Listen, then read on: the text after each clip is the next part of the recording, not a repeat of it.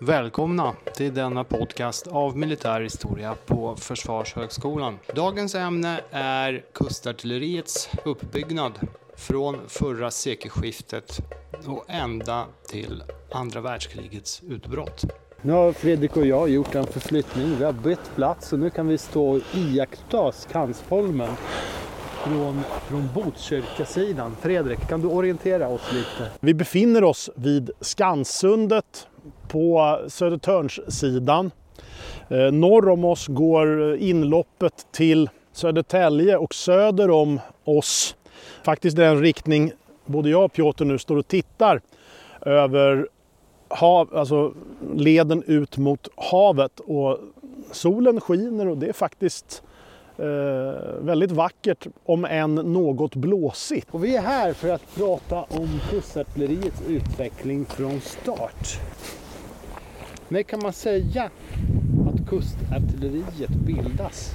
Och vilka strategiska betänkanden ligger bakom eh, kustartilleriets skapande? Det som är, är eh, själva grejen här egentligen är ju att eh, man har ju alltid haft behov av att försvara skärgården på något vis.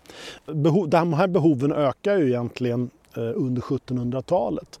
Under 1700-talet så sköts liksom försvaret av skärgården, det är skärgårdsflottan. Vilket liksom ter sig naturligt. Va? Det hör man nästan på namnet vad det handlar om.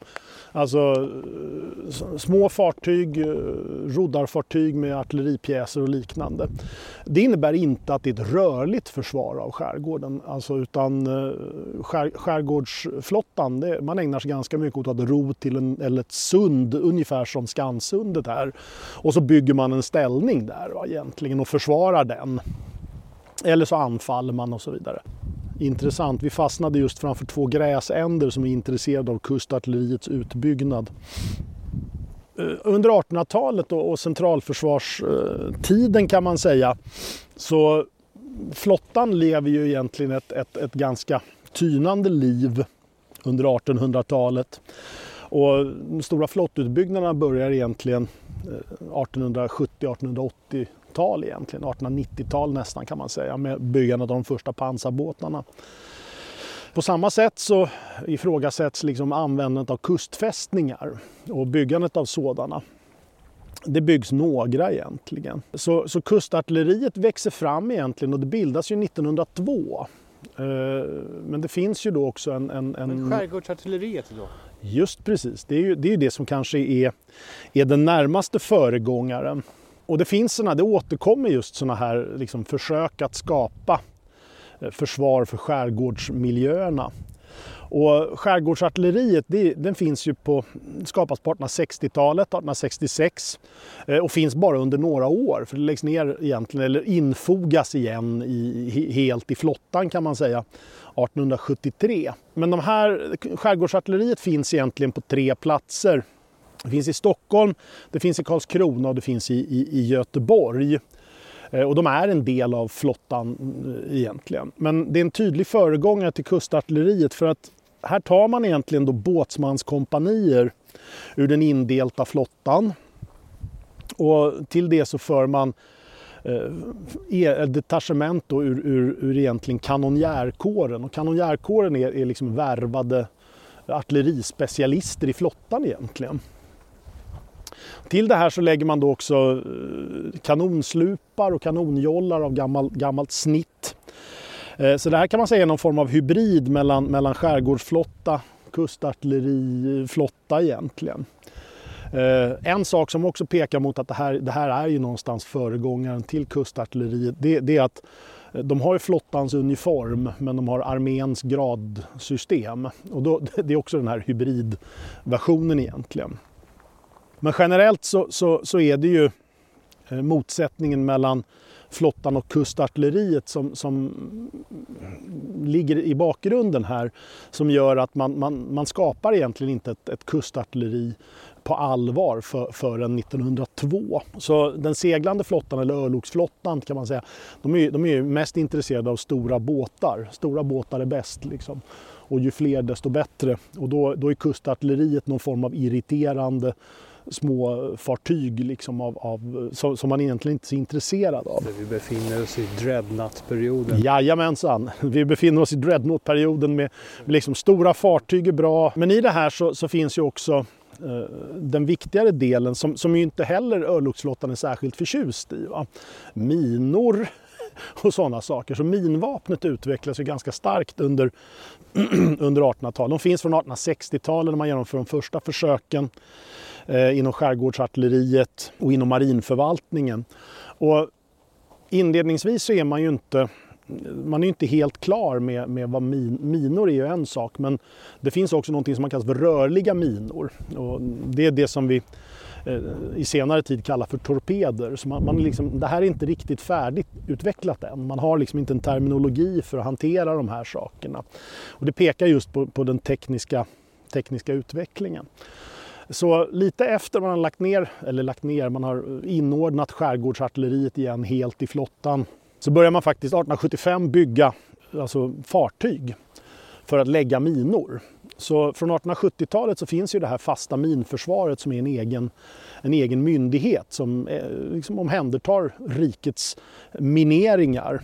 Och på 1870-talet så konstrueras då också en mängd av de här minorna Eh, som kommer att finnas egentligen med i kustartilleriet i moderniserad form fram till andra världskriget egentligen.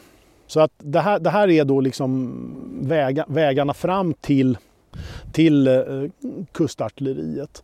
Och de verkliga föregångarna kan man säga som sen blir, blir kustartilleriet, det är de fästningsartillerikårer som man sätter upp på 1880-talet, 1889 i Vaxholm och 1893 i, i, i Karlskrona. Och det här är också då behovet av starkare fästningar med flottutbyggnad som då liksom, man behöver fästningar som skyddar eh, de olika eh, flottbaserna och liknande. Så att det är det här som är, är, är bakgrunden. Och den verkliga framväxten av det här fästningssystemet som sen leder in i kustartilleriet eh, det är 1891 och 92 års befästningskommission. När man fattar beslut om att nu ska vi modernisera Vaxholms fästning eh, man ska bygga ut Oskar Fredriksborg, man ska bygga ut Karlskrona. Och det är det som, ligger, som ligger, ligger i bakgrunden till, de här, till, till, till kustartilleriet. Så 1896 så fattar man ju beslut om att eh, nu ska det byggas fästningar, kustfästningar på olika platser i, i, i riket. Bland annat i Norrland, man talar om Hemsö fästning, men det, annars är det liksom standardfästningarna man, man talar om. Man fattar då också beslut om att tillsätta en kommitté för eh, sjöfästningsartilleriet och det fasta minförsvaret. Och då mm, slår man egentligen ihop eh, Vaxholms och, och Karlskrona eller ja, fästningsartillerikårer under en chef. Och 1902 blir det här då kustartilleriet. Och chefen han heter egentligen han heter generalmajor Anders Centervall, ytterligare ett fantastiskt namn. Det verkar som om alla herrar vi vill tala om har, har fantastiska namn. Kustartilleriet bildas då 1902 med det, de här förbanden som KA1 i Vaxholm och KA2 i eh, Karlskrona. Och artilleripjäserna som man, som man inledningsvis får kommer från flottan. Det är gamla fartygspjäser egentligen. För när man moderniserar fartygen och fartygens artilleri så tar man de gamla mm, fartygspjäserna och sen så monterar man fast dem i fästningar. Så det är egentligen gamla kanontorn från, från eh, pansarbåtar. Och det här återkommer ju hela tiden. Det är inte bara pansarbåtar utan även andra fartyg egentligen. Och det som man då eh, gör är att man eh, organiserar kustartilleriet rent taktiskt i eh, fästningar. Och in, inledningsvis så finns det ju då egentligen tre kustfästningar. Det är Vaxholms fästning, det är Karlskrona fästning och det är Älvsborgs fästning i Göteborg. Och sen tillkommer lite längre fram i historien så tillkommer ytterligare två. Och det är, är Gotland som då blir Fårösunds kustposition, men det är långt senare egentligen. Eh, Hemsö fästning har vi i, i, i Norrland också egentligen, som, som ligger utanför i Sundsvallstrakten. Det är ytterligare en av de här fästningarna. Vi har ju talat om eh, den inre Vaxholmslinjen. Vi har klafsat omkring längs med Mittingelinjens eh, batterier. Men så småningom bestämmer man sig för att flytta denna linje till den så kallade yttre Vaxholmslinjen. Varav Mm. detta, när sker det? Ja, det, det är egentligen en, en ganska lång process därför att eh, när man bygger upp det här, alltså det inre försvaret av de här lederna är ju eh, vid Myttingelinjen och alla sådana här platser. Det, det är ju egentligen befästningar som handlar om att skydda eh, oxdjupet och kodjupet. Det är de, det är de in, inloppen man skyddar där. Eh, men man diskuterar egentligen ganska tidigt om man, om man egentligen inte borde ha eh, även en yttre spärr. Så 1908 så, så fin, genomför, alltså finns det en kustförsvarskommission som föreslår att man, ja, Vaxholmslinjen som den heter, eh, med de spärrarna som finns där, det är en del av försvaret. Men det ska också finnas en, en yttre spärrlinje i farlederna längre ut, i mell, mellanskärgården eller någon form av mellan, mellanställning. Eh, och då definierar man att okay, vi behöver ha en spärrlinje i Furusundsleden. Alltså norröver, i det norra in, in, inloppet i Stockholm, i Furusundstrakten. Man diskuterar också en befästning i Kanholmsleden, alltså mellersta Eh, skärgården, Kanholmsfjärden och de här områdena. Eh, och ytterligare en spärr i Ingarö-trakten, alltså Ingarö, Djurö, Näset och, och, och de trakterna.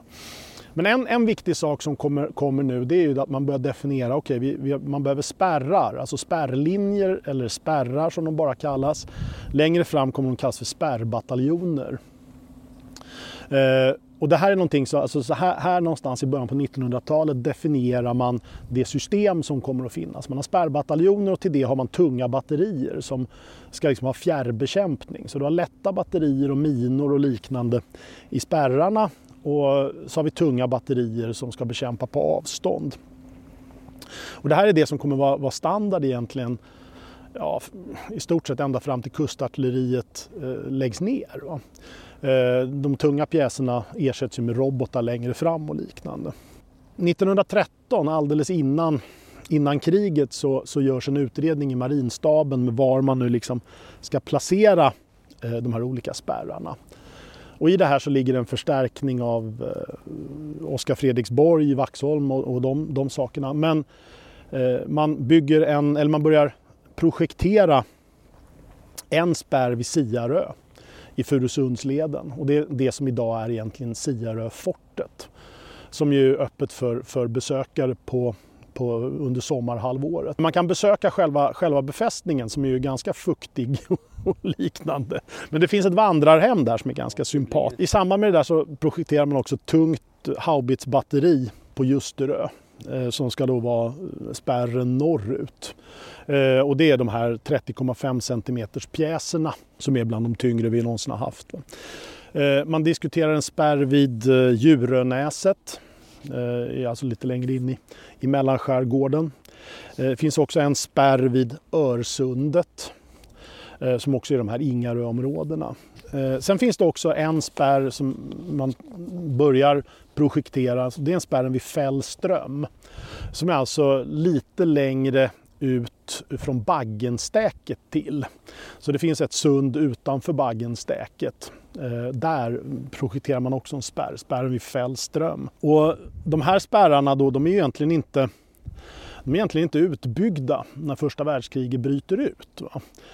Utan det man upprättar under första världskriget är egentligen provisoriska spärrar. Så när kriget bryter ut eh, i augusti 1914 så, så mm, redan den andra i åttonde så utgrupperar man kustartilleriets eh, förband, alltså eller säkerhetsspärrarna eller piketerna som de kallas eh, i kustartilleriet. Så att man, den andra i åttonde så upprättar man det som kallas för Siarö-detachementet. Den ligger då på Kyrkogårdsön, den ö där Siaröfortet idag ligger. Eh, och då, då är det lite infanteriförband och så är det rörliga batterier och kustartilleriet. Med, med såna här 57 mm kanoner som man liksom är på hjul med, med sköld och allting som man, som man tänker sig en klassisk kanon ungefär egentligen. Lite senare så förstärks de här med lite tyngre pjäser också och, och kulsprutor. Eh, så det finns en, en provisorisk spärr på Siarö. Det finns en provisorisk eh, spärr på Ängsholmen eller Galtholmen i Utö-trakterna, Utö-Ornö-området där i mellersta skärgården. Sen har vi då det som är Djurö detachement eller Djurönäsdetachementet som är då som bro, brosystemen vid Djurö och Ingarö egentligen, där broarna idag ligger egentligen. Eh, det finns plats som heter Klockarholmen där man också lägger ett, ett rörligt kustartilleri, eh, batteri eh, tillsammans med lite infanterister och, och annat. Man lägger också ut minor i eh, de här farlederna med hjälp av de här som kallade Eh, ångkranpråmar heter de på den tiden. Alltså minutläggare lite längre fram. Men ångkranpråm eh, är, är, eh, en beteckning som finns. Man har också lyspråmar, vilket är då ångfartyg med strålkastare på. Som man eh, är, liksom har tänkt sig att man ska ska eh, flytta. Därför att en viktig del i, i de här kustartilleribatterierna är just strålkastare. Om, om motståndaren är så osportslig så de kommer på natten Eh, så, så eh, bygger man då egentligen också in strålkastarvärn. Men de finns också rörliga. Sen finns ju rörliga mm. strålkastare mm. på land också. Absolut. Som går på räls. Ja, absolut så. Det här kan man se bland annat i, i det som är Siaröfortet som byggs lite senare egentligen. Men Eh, där finns det ju exempelvis såna här rälsanordningar och tunnelsystem för att skydda strålkastare och, och lättare pjäser. Så man kan, de är liksom rörliga de här, man drar dem på, på små, små, små egentligen vagnar på räls i, i fästningssystemet. Men så pågår första världskriget, första världskriget avslutas. Mm. Vi kommer undan med blotta förskräckelsen. Ja. 1918 eh, står man ju med ganska utbyggd och, och mm. rustad och samtidigt också föråldrad ja. försvarsmakt eh, eftersom den teknologiska och även då får vi säga doktrinära utvecklingen har sprungit ifrån mm. Sverige och egentligen alla länder som inte mm. deltog aktivt i, i krigshandlingarna mm. hade anledning att på eget skinn mm. utveckla eh, detta. Eh, hur anpassas kustartilleriet till den teknologiska utvecklingen som skett? Och den här teknologiska utvecklingen lägger ju i ytterligare högre växel under mellankrigstid. Så att det finns mycket där att, att smälta och åtgärda. Ja, man har många, många problem att hantera och en stor del av 1920-talet är ju en, en, utredningsperiod när man egentligen inte är säker på, på vad som ska göras och inte göras. Alla känner ju till 1925 års försvarsbeslut. Va? Och, men problemet, en grej är ju den 1925 års försvarsbeslut bara några år senare så tillsätter man ju nya försvarsberedningar hela tiden för att hantera de inledande eh, utredningarna som görs är egentligen försvarsrevisionen 1918-1919. Eh, när man då faktiskt börjar definiera vad är det vi ska göra, eh, vilka erfarenheter ska man ta till sig. Och för kustartilleriets del så genomförs det före det en, en kustbefästningskommission 1917 Eh, det finns en marinberedning 1921 som egentligen eh, fastslår att det marinstaben utredde 1913-1914 med de här liksom spärrarna i Furuholm, Fur, Furusundsleden och, och, och liknande eh, ska byggas. Och det är det som man beslutar egentligen 1921. Att Eh, man ska bygga en yttre Vaxholmslinje. Den kallas yttre Vaxholmslinjen eh, egentligen. Eh, den, den, har aldrig det namnet officiellt. Men den ska bestå egentligen av Siaröfortet, Ängsholmsfortet och två tyngre batterier, Lagnebergsbatteriet och Torsbergsbatteriet. Eh, och det här börjar man sätta igång att bygga Eh, i början på 1920-talet. Och 1925 så fattar man då 1925 års försvarsbeslut och i och med 1925 så, så läggs också det som är den inre Vaxholmslinjen, alltså befäst med Oskar Fredriksborg och de här mm, liksom, eh, områdena, läggs ner som, som kustfästning. Eh, därmed inte sagt att man inte fortfarande har saker där, för det, det, kommer man ha ända fram till andra världskrigets slut och även efter det i vissa, i vissa fall. Men en annan del jag kom, återkommer till den här yttre Vaxholmslinjen lite senare. En del som, som kommer med första världskriget är ju minerna, återigen. Minutvecklingen är ganska omfattande. Så att i slutet av, under och i slutet av första världskriget så kommer flera olika minor. Eh, nya minor egentligen. Och några av dem som, som dyker upp i de första minorna med så kallade hertzhorn. Och alla undrar vad fan är ett hertzhorn då? Ja, det är egentligen det. Om ni tänker er, hur ser en sjömina ut? Ja, den är rund och så har den små spröt på sig. De här spröten är egentligen hertzhornen. Och det är de som är, är egentligen till, det är egentligen kan man säga en, en, en brytare som gör att, att att minan eh, exploderar. Så att de första svenska minorna med hertzhorn kommer under, under första världskriget. Och det finns en mängd olika typer av, av, av min, minor som dyker upp här som kommer finnas med under hela mellankrigstiden och ända fram till egentligen kalla krigets slut. Så de, de har en tendens att få ett väldigt långt liv, de här, de här minsystemen. Men en annan sak som dyker upp med världskriget är ju eh, hotet från luften alltså flyget och flygets roll. Så att man undersöker och liksom luftförsvaret av de här fästningarna, befäst, eh, artilleriet, eller kustartilleriets befästningar och, och Vaxholms fästning och liknande. Redan 1914 så, så finns, finns det i, i utredningar att kustartilleriet ska, ska tillföras eh, antiluftskeppskanoner, som man kallar det, eftersom man egentligen inte har en, en, en beteckning färdig för vad det är. Va? Eh, men det är artilleripjäser som just ska skjuta mot, mot luftskepp och sådant som man tänker sig. Men i med det här så kommer också baseringsfrågan för, för flottan. Eh, som heller inte blir klar förrän in under andra världskriget. Men det är inte riktigt, för att flottan i Stockholm, alltså i, i, i Stockholmstrakten, den ligger förlagd inne på Skeppsholmen mitt inne i stan. Så att under en stor del av, av eh, den första halvan av 1900-talet så ligger ju, de sto, ligger ju stora fartyg mitt inne i Stockholm. Och det är inte helt eh, enkelt för dem att ta sig ut genom skärgården och de kan också bombas eh, inne i stan och liknande. Så att basfrågan för, för, för flottans fartyg behöver lösas. En annan sak som, som också kommer i första världskriget är gas. Alltså stridsgas och gaskriget. Och det här är också någonting som man då börjar eh, fundera kring hur man ska hantera i fästningar.